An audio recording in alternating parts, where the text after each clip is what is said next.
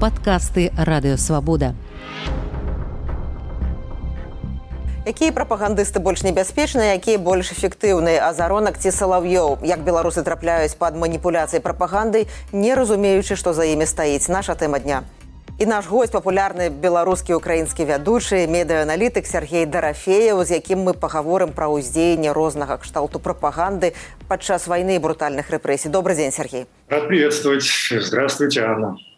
Сергей я адразу хочу пацытаваць твой недаўні допіс у фейсбуку. Ён быў прысвечаны інтэрв'ю Пуціна амерыканскаму вядучаму такеру Карлсону. Цытата заморскі гость Карлсон які прыляцеў у Маскву зусім не бяскрыўдна як камусьці падаецца гэта працяг агіднай гісторыі пра новую самую сучасную версію прапаганды і маніпуляцый. Патлумач калі ласка что такое самая сучасная версия пропаганды и манипуляций? Я попробую, но это очень э, объемный вопрос. Чтобы понять про самую современную версию, нужно для начала сказать, э, э, на чем все строится, с чего все начиналось в Беларуси, почему пропаганда работает в Беларуси.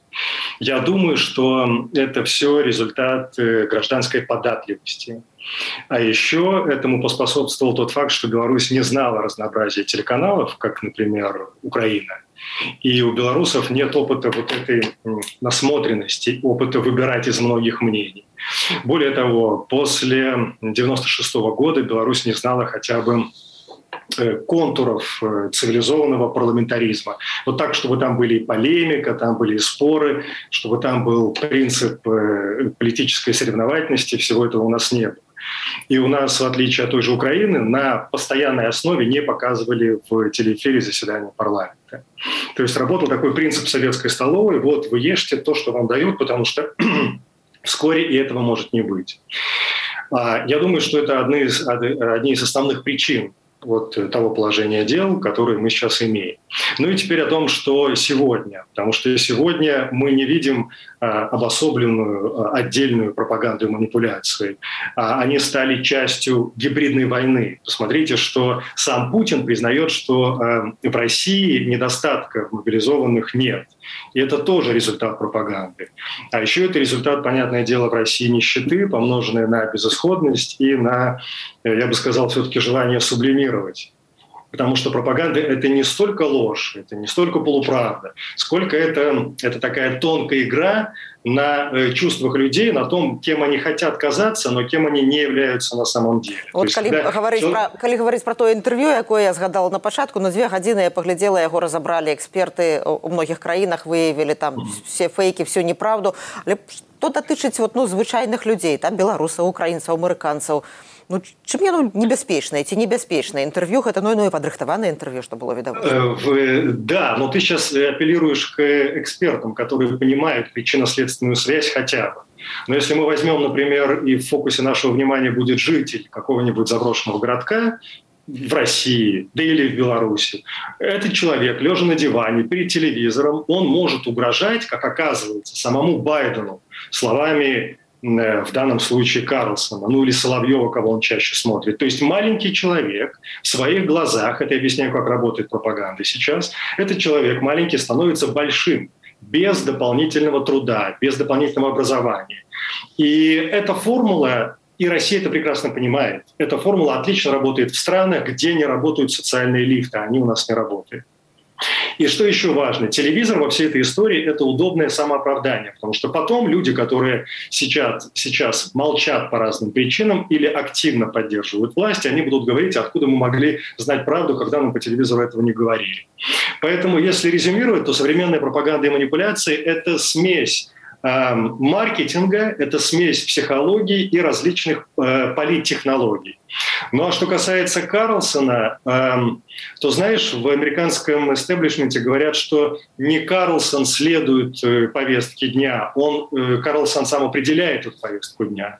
Поэтому э, ну, я понимаю, что нашему человеку сложно представить, что существуют такие тренды, но в США это так. Карлсон поддерживает республиканцев и сдерживает демократов это уже к открытому вопросу, где границы терпимости по поводу разных мнений.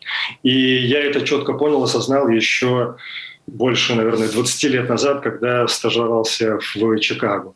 Поэтому российская пропаганда знает, кому обращаться. Она поднимает Карлсона на свои знамена. И, знаете, я на Медне изучал по работе э, контент различных ток-шоу, в том числе ток-шоу «60 минут» на канале «Россия». Ну, это там, где Скобеева кричит. Так вот, в массиве из, по-моему, что-то около 300 программ Карлсона там цитировали и показывали э, в практически трети выпусков ну, дальше можно не продолжать. Все это абсолютно укладывается в те алгоритмы, которые пишутся в Кремле.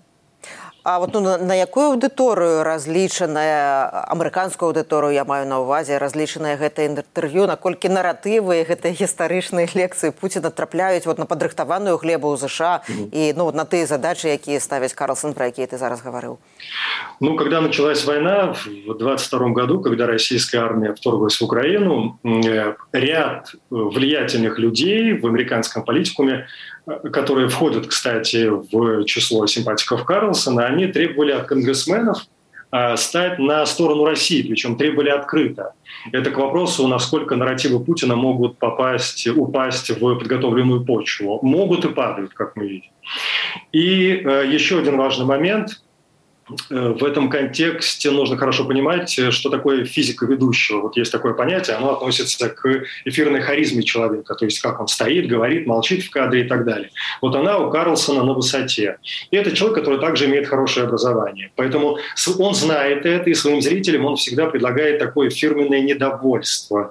В общем, что всегда востребовано аудиторией э, с большим количеством источников информации – какой является американская аудитория. Плюс вот это фирменное недовольство, оно помножено на популизм и конспирологию. Это как раз все то, что нравится рабочему электорату. А в общем, это и есть э, риторика симпатизирующих Трампу.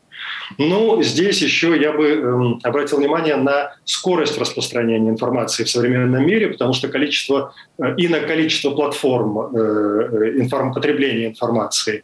Я не буду сейчас говорить про там, воронку продаж и таргетирование, но так или иначе мы все в эту воронку попадаем. И вот это интервью Путина, его потом нарежут и покажут множеству э, на самую широкую аудиторию. А если говорить об аудитории Карлсона, у Fox News его смотрели что-то около двух миллионов человек. Сейчас, возможно, на других платформах будет меньше, но все равно э, это большая, как мы понимаем, аудитория. Эти фрагменты, которые нарежут из сказанного Путиным, их поместят в выгодный для России контекст и предложат американцам уже в социальных сетях. И там уже, поверьте, что не будет никто разбираться, какой контекст, почему это неправда. И вот эти симулякры, они начинают таком случае жить уже своей жизнью. И все это переваривается, и эти сумасшедшие тезисы Путина, которые сейчас все стебут в социальных сетях, они обязательно перейдут из разряда маргинальных в категорию таких вполне, вполне себе допустимых, имеющих право на жизнь. Вот. А еще я хотел сказать про белорусских и российских зрителей. Ты э, уточняла и делала параллели американской аудитории и нашей аудитории. Э, собственно, та аудитория, которая в наших широтах верит пропаганде. Э, мне вспоминается советский фильм э, «Джек Восьмеркин. Американец» когда вот приезжает американец, и все на него смотрят на вот что-то такое диковинное. Карлсон – живой американец, иностранец, который сейчас во время закрытых границ приехал прямо к ним буквально домой вот приехал к ним в телевизор, к нашим зрителям, российским, и белорусским. Как ему, этому человеку, можно не верить? И именно вот такой лобовой подход использует российская пропаганда. Мол, посмотрите, такой журналист, такой известный телеведущий приехал и берет интервью у Путина. Но не это ли признание, не, ли это ли, не это ли подтверждение того факта, что даже те самые Соединенные Штаты, которые всегда у нас, э, мы с ними были в контрах, они прислушиваются к тезисам, которые идут из Кремля. Я думаю, ну, і такі такія самыя спосабы былі з самымі рознымі інтэрв'ю замежным сме александра лукашэнкі крытычныя некрытычныя гэта былі інтэрв'ю тым не менш гэта і ў такім кантэксце падавалася мы вернемся да размовы літаральна праз адну хвілінку я хацела звярнуцца да нашай аўдыторыі вы глядзеце канал свабода прэміум гэта наш штодзённы эфір падзея і каментар калі гэта бяспечна для вас. Калі ласка пастаўце лайк альбо пракаментуйце гэтае відэо такім чынам яго зможа паглядзець як мага больш людзей. Але толькі калі гэта для вас бяспечна А мы вяртаемся да размовы з Сергеем Дарафеевым. Это вядомы беларускі украінскі журналіст, якім зараз мы гаворым пра тое, як уздзейнічае прапаганда. Вядучы ток-шоу выбар дзяржаўнага тэлеканалу АНТ Сергей Дарафеў быў звольнены ў 2010 годзе, калі ў ноч пасля прэзідэнцкіх выбараў задаў у жывым эфіры некалькі непрыемных пытанняў старшыні цэнтральнай выбарчай камісіі Лідзіі Ярмошынай, пасля чаго тая пакінула студыю. Дарафеў з'ехаў ва ўкраіну, дзе працаваў на тэлеканале інтэр і пятым украінскім тэлеканале. Пазней ён быў тры з паловай гады вядоўцам тэлепраграмы «Настоящее время» цяпер удзельнічае ў шэрагу медыйных праектаў у еўразвязе. Сергей, я ведаю, што апошнія гады ты выкладаеш і тлумачыш на розных прыкладах, як працуе прапаганда, якія формы яна прымае. І я хацела звярнуцца да цябе непасрэдна з беларускай прапагандай. Ты працаваў на беларускім тэлебачанні і мог адсочваць, якім чынам яна працуе ну, вот, все гады прэзідэнцтва александра лукашэнкі як яна мяняецца у які бок яна рухаецца пасля 2020 году вот чаму цяпер яе твары ад рыгора заронак і чым стыля заронка напрыклад адрозніваецца ад папярэднікаў таго ж зімоўскага Э, сейчас мы, я, я начну с того, что сейчас. Сейчас мы живем в то время, когда информация подается пульсированно, причем на четко свою целевую аудиторию. Такое понятие, как целевая аудитория, э, белорусские руководители телеканалов э, начинают понимать и использовать в своей работе. Причем эта информация подается с ключевыми словами, с, ну, в общем, более-менее правильно расставленными акцентами. И каждый пропагандист, в том числе в Беларуси, он работает на своего зрителя, уже с его уровнем образования, образования и воспитания. Отсюда и определенная лексика в, ну, громко назовем их, речах э, некоторых белорусских телеведущих. Я ничего не хочу говорить про этого человека, которого ты вспомнила. Я бы говорил про э, более образованных и тонкой игры людях.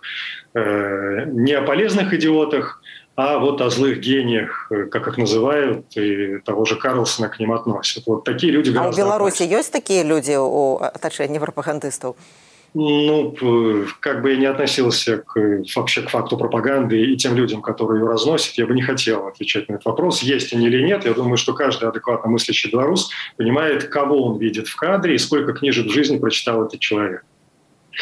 Вот. И, но я все-таки веду к тому, что есть спрос, есть предложение. Поэтому можно вспомнить и российские ток-шоу «Время покажет» на Первом канале, и на как же оно называется на НТВ, по-моему, место встречи с э, Андреем Норкиным, по-моему, место встречи. Вот это там, где машут кулаками, матерятся и приносят в студию ведра помоев. Вот у этих ток-шоу есть своя аудитория. Собственно, это та аудитория, которая на одной волне с всеми посылами вот этих ведущих.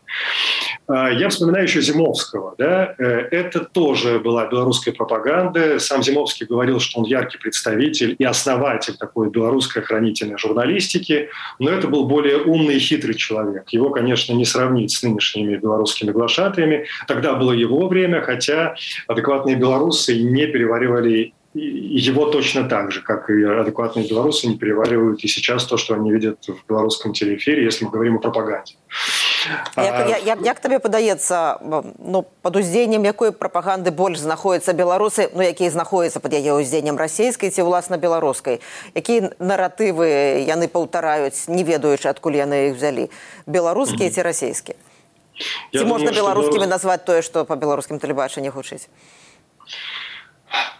вы знаете что беларускія зрители так давно находятся под тоннами российского контента что у меня складывается стойкое ощущение, что они же даже четко не понимают, где белорусская повестка, а где российская повестка. Потому что Беларусь сейчас находится настолько плотно в зоне э, влияния идеологическом, в том числе, не только политическом России, что никакой среднестатистический зритель не сможет повести четкую границу. Вот эта вот история белорусская, это история российская. Например, вот возьмем даже недавний пример с польскими фермерами, фермерами которыми я сейчас занимаюсь, часто об этом меня спрашивают. Э, когда польские фермеры э, на днях высыпали украинское зерно из фур на трассу в Польше. Да? Вот кто это делал? Э, мы не знаем. Это еще большой вопрос. Я не знаю, вы не знаете, кто это делал. Это могут быть как провокаторы из фермеров, так и, например, представители неких праворадикальных группировок, которых широко поддерживает Россия сейчас по всей Европе. Какая цель у этой картинки, которую нам показали? Да, с одной стороны, изменить отношение к зерновому коридору. Соответствующее соглашение подписали и, и Украина, и Россия, и Эрдоган, Турция.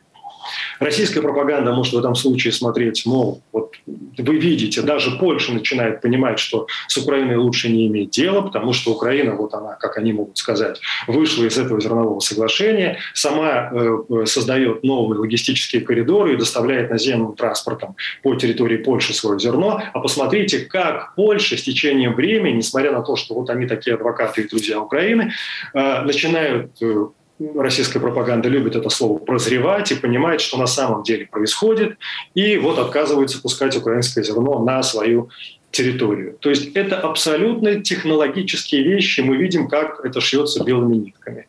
Мы видим, как это шьется белыми нитками. Насколько это видит обычный зритель в Беларуси и России, у меня большой вопрос. Когда и белорусская аудитория потребляет эту информацию, порядок потребления это, этого контента, вот паттерн потребления этой информации, он одинаковый сейчас что в Беларуси, что в России. Поэтому я не могу сказать, какая пропаганда самая опасная, да, и на кого она больше влияет. Я только могу сказать, что самая опасная пропаганда – это комплексная, умело упакованная. Э, и когда меня спрашивают, например, вот а сейчас появилось множество телеканалов, в том числе и на различных платформах, и в YouTube, как можно распознать, как можно понять, можно верить вещателю или здесь что-то не так, и нужно вовремя насторожиться. Если у нас есть время, я бы хотел привести буквально несколько таких точечных примеров. Мне кажется, они имеют прикладное значение и могут быть полезны той части и белорусской аудитории, которая вот сейчас уехала за рубеж и э, хочет лучше понимать в том, что происходит. Если там я могу говорить, я об этом тоже у, у, у нас яго не так шмат всяго засталося там на хвілінак 12 я хотела еще другую частку але калі ты зможешь okay. яе так компактно передать то давай ну хорошо я тогда приведу один пример вот скажем представим некий телеканал М который себя позиционирует как объективный и э, вот уже обозначение в этом титре, канал объективный, мы тут вот, нас смотрит весь мир, и человек так недолго думая начинает смотреть, что это за канал, и верить его выпускам новостей. Я бы очень не советовал с разбегу так поступать. Стоит посмотреть не один выпуск, а несколько выпусков новостей, потому что один отдельно взятый, вычлененный из множества, чаще всего всегда будет сбалансированный выпуск. А вот если посмотреть 5 или 6 выпусков новостей и поставить, поместить эти события, о которых там идет речь, в контекст, поинтересоваться, что вот об этих же событиях говорили или не говорили другие медиа, тогда становится понятнее, насколько объективно подается информация вот этого вещателя условно М. Это очень важно. А, потому что, например, мы можем видеть э, сообщения в выпуске новостей, как, ну, я приведу пример из прошлого, будет понятнее, э, допустим, там, не знаю, 17 18 19 годы до активной фазы войны в Украине, когда война шла на Донбассе. Если помните, был такой период, когда во Львове, это западная Украина, э, несколько раз взрывались гранаты то есть это происходило где-то в, там, в, в помещениях и на открытом воздухе. И об этом все сообщали. Вот такие инциденты во Львове. Если вы слышите в эфире, как, например, вам рассказывают, что вот во Львове взорвалась граната и точка, я бы советовал не обращать внимания на подобные сообщения и при этом такой делать себе в своих мыслях знак препинания, почему этот канал мне об этом рассказывает. Ведь на самом деле, если вам не помещают события в определенный контекст, если вам не говорят о том, что такие гранаты стали взрываться регулярно в том же Львове, ну я сейчас конкретные примеры привожу, если события не помещаются в контекст, значит, вами пытаются манипулировать. Потому что если, например, контент этого телеканала распространяется на скажем, российскую аудиторию, которая живет в своих кремлевских нарративах, они будут считать, что там эти условные там, бандеровцы чуть ли не младенцев едят на завтрак и взрывают там гранаты. Посмотрите, какой ужас происходит в Украине не только на Востоке, но и на Западе. Ну, я думаю, что наша, наша аудитория, аудитория канала «Свобода премиум», якая ведаючы все рызыкі і глядзець наши каналы, яна больш падрыхтаваная ў гэтым сэнсе. Я хотела перайсці да другого блоку нашай okay. размовы. А днямі ў Фейсбуку ты публікаваў вельмі пранізлівы пост пра беженства, пра такое адчуванне, якое блізкае цяпер сотням тысячам беларусаў, мільёнам украінцам таксама яно блізкае. Ты давно жывеш у Европе, вот тым не менш пісаў, адчуваешся ўцекачом на момант запісу нашай размовы, там больш за 80 перапостаў э, твайго допісу беларусу вот магчыма твоя парада могла б прыдацца людзям якія цяпер нас глядзяць і якія былі вымушаныя беларусам які былі вымушаны з'ехаць адносна недавно якія стадыі праходзяць уцякачы вот ну калі ён мяняе розныя краіны ці патрэбная глыбокая інтэграцыя ці можна жыць на валісках чакаючы магчымасці вяртання якое невядома калі будзе. Якая парада Сергея дарафеева у вас так много вопросов, и все не такие объемные, поэтому я буду стараться успеть на, на них ответить, но если что-то упущу, то значит просто объективно. Я, да, действительно, я написал, что ощущаю себя беженцем, ну, потому что я такой человек. То есть я очень привязан к своим корням и своей земле, и я называю себя беженцем, потому что от себя не убежишь. Как я написал, да, я люблю свой город, а их у меня два, это Минск и Киев, и эти города я всюду вожу в своей голове. Да, я скучаю. Но при этом я не хочу пускаться в сентиментальности, однако я все-таки я человек такой тонкой настройки. Для меня важны вот эти детали и полутона, которые дают мне силу.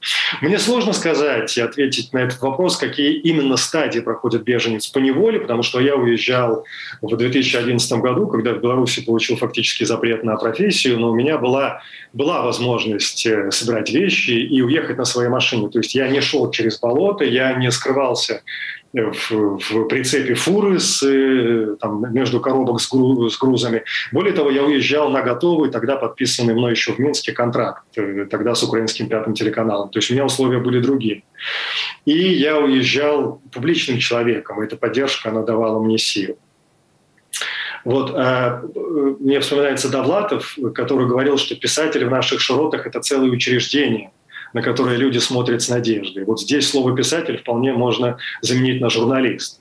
Это моя история, у журналистов другая история. Ну а э, что касается э, представителей других профессий, я думаю, что не ошибусь, если скажу, что все беженцы проходят через стадии начального отрицания, через вопросы, почему это все происходит со мной, неужели это сейчас все происходит со мной. Они проходят через отсечение всего э, второстепенного, не имеющего отношения к жизни. Вот, вот, вот, вот в этой точке пересечения опасности, желание жить, сохранить себя и обеспечить свою семью, своих родных, а также проходят через, да, принятие, да, ассимиляцию и в тот же момент укрепление веры в себя. Ну и в итоге, если им хватает сил, они становятся на ноги и совершают новые шаги и победы, но это сложный такой э, этап эволюции. Здесь много зависит еще от внутреннего стержня. Хотя на самом деле я по себе могу сказать, так как я начинал жизнь сначала 6 или 7 раз, я могу сказать, что человек никогда не узнает, сколько у него сил, пока он не окажется в критической ситуации. И вот в таком свете тогда иммиграцию нужно воспринимать как вопрос ответственности за тех, кто рядом с нами. Тогда уже больше думаешь не о себе. А что касается топографии белорусов сейчас, то это, это тысячи километров, как мы понимаем. И сейчас это народ, который рассеян по миру, и он представлен в среде других культур и традиций. Жизнь у многих началась сначала. Мне очень понятно, через что проходят эти люди. И, э, как я сказал, я уезжал раньше, а сейчас э, мир куда больше наводнен беженцами. То есть белорус, миллион белорусов, которые уехали условно, тонет в миллионах украинцев, плюс здесь и беженцы с Ближнего Востока, беженцы из Африки. Беженцы, которые стали не просто людьми, вот с этими чемоданами, да, они стали серьезным оружием массового поражения, частью этой гибридной войны, как и пропаганда часть этой гибридной войны. И здесь уже наша задача, я имею в виду мигрантов, сохранить себя и не дать сделать себя идеологическими снарядами России и ее сателлитов. Это к вопросу, как мы должны воспринимать ту информацию, которую нам предлагают вот тот же телеканал Н, о котором я говорил выше. Сергей сказал, что пачынаў шесть разоў з нуля жыццё Первый раз, напэўна, самый складаны, шестой раз это уже не так складано Нет, начинать первый раз заново. был самым легким. А, на первый раз был самым легким, так? потому что, как я сказал, я уезжал на готовый контракт. Я не вышел с чемоданом на вокзале, думая, куда мне идти, я не останавливался у знакомых, я приехал, меня ждала квартира и уже э, подписанный контракт. Я начал думать над эфиром, который я буду производить. Вот. Э, и Киев для меня был знакомый, более чем знакомый. Это мой второй город, мой родной город. Поэтому там было легче. Сложнее было уже позже. Сложнее было позже, когда я переезжал из одной страны Западной Европы в другую страну Западной Европы. И когда я переезжал, не имея контракта, когда у меня э, было, был опыт, были знания, готовность что-то делать. Но одно дело готовность и определенные договоренности с людьми, с которыми вы готовы генерировать новые проекты, а другое дело все-таки контракт. С контрактом в кармане поспокойнее. Поэтому это разные этапы. Но было ли у меня в какие-то моменты отчаяния? Не скажу, что отчаяние было, но такое обостренное чувство ответственности за тех, кто рядом, как я их буду обеспечивать, а, да, такое у меня было. И это не то чувство, которое я хочу пожелать. Это что-то на смежное с чувством страха, то есть как, как сможешь ли ты выполнить те все обещания, которые ты, ты дал своим родным, сможешь ли ты пробить эту стену. Вот это очень волнительно, даже по-мужски это очень волнительно. Сергей, я вельмі удзячная, што знайшоўся час прыйсці да нас у эфір. Я глянула, што апошняе інтэрв'ю мы рабілі ў жніўні 2020 году. Это фактычна вот быў mm -hmm. самый пик мирной революции. Я специально почитала да, да, это. Я, я, прости, я здесь перебью вас. Mm-hmm. Я, я очень хорошо это помню. Mm-hmm. И я помню, насколько мы смотрели в одну сторону. Для меня это было очень важное интервью, потому что мне нужно было, мне нужен был канал для того, чтобы я мог сказать, что я глубоко переживаю. И благодаря и тебе, Анна, это произошло. Спасибо. і тады я гэта адчула і зараз я гэта яшчэ раз перачытала ця зусім не было эйфарыя была хутчэй трывога так і што спраўдзілася за гэтыя гады вельмі брутальных рэпрэсій як цяпер ты глядзіш на тое што чакае Беларусь У меня и сейчас нет эйфории, причем ее нет вообще. Я не хочу никого расстраивать, но думаю, что, ну, как мы часто слышим, вот будет пробка из аэропорта, национального аэропорта Минск в город. Нет, пробки не будет из уехавших, которые прилетели на родину и возвращаются в центр. Гром не грянет, чтобы в миг все поменялось. Я не верю в это, потому что кто-то осядет в тех странах, куда он уехал, я про белорусов, да и украинцев тоже, особенно семейные люди с детьми. Кто-то не станет возвращаться в первое время после изменений в Беларуси, не веря в прочность этих изменений, потому что какие грядут реальные изменения сейчас? То есть если появятся новые люди, но в той же железобетонной системе, это не изменение. Потом не надо забывать, что обязательно, хочет этого кто-то или нет, но это исторически эм, это абсолютно логичный процесс, продолжение – это факт. Многие страны через это проходили, и будет люстрация. Это очень и очень непростой процесс. В качестве примера взять ту же Чехословакию, Чехию, которую, позволю себе сказать, я неплохо знаю за время работы на Радио Свобода.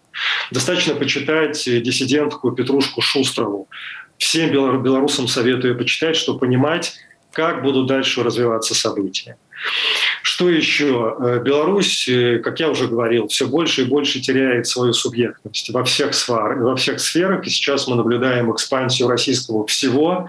Поэтому я вижу, что изменения в Беларуси могут произойти только после кардинальных изменений в России. Давайте говорить прямо, Беларусь и миром всем воспринимается сейчас в обойме с Россией. Хотя, конечно, с Россией мы очень разные, мы с украинцами куда более похожи, но это уже другая история. Вот. А что касается Украины, и тогда мы с тобой тоже э, поднимали украинский контекст в 2020 году, то я могу сказать, что еще и раньше, на несколько лет, я четко понимал, что Россия на, нападет на Украину. То есть я так и предполагал, что это будут танки, взрывы, только я не думал, что это будет так жутко, так мерзко и будет такое количество жертв. Почему? Потому что я видел и находясь в Украине, и потом в странах Западной Европы, как все к этому идет. То есть я видел, как Европа наводнена Россией. Если кто-то думает, что Беларусь не наводнена Россией, он очень ошибается. Сергей, что даете надею вот у, у гэтым таким змрочным пессимистичным прогнозе? Что мне дает надежду? Я вообще человек, который четко чувствует грань. Э, я реалист. Я пытаюсь чаще называть себя оптимистом, убеждать себя в этом, но все-таки я реалист, хотя бы потому, что я журналист. И я много видел и, думаю, через многое прошел. Эм, я всегда четко понимаю, где грань реальности, и, а где уже начинается моя надежда. Где реальность может разрушить мою надежду. Я просто пытаюсь не пускать реальность в тот дом, где живет моя надежда. Я запираю эту дверь. Потому что если у нас у каждого заберут еще и надежду, вместе с тем, что у нас забрали Родину, я не хочу говорить громкие слова, ну, нашу землю, где, э, где мы родились, о которой мы думаем, и тот город, который мы возим за собой, как я написал, тогда будет совсем тяжело и плохо. Я постоянно создаю себе те образы, к которым я иду, и те образы, к которым я хочу, хочу быть причастен. Я себя, я себя успокаиваю так. Ну и я этого никогда не скрывал, я верующий человек, поэтому все, что связано с моей верой, все это дает мне силы и подпитывает мою надежду. Дзякуй вялікі за шчырасць, дзякуй вялікі за экспертызу. Гэта быў беларускі украінскі вядучы медыаналітык Сергей Дарафеев. Я благодарю вас и тебя, спасибо. Я Ганна Соусь развітваюся з вами, заставайцеся са свабодай. Вы слухали падкаст радыёвабода. Усе падкасты свабоды ў інтэрнэце на адрасе свабода кропка орг. Штодня у любы час у любым месцы, калі зручна вам. Свабода кропка орг. Ваша свабода.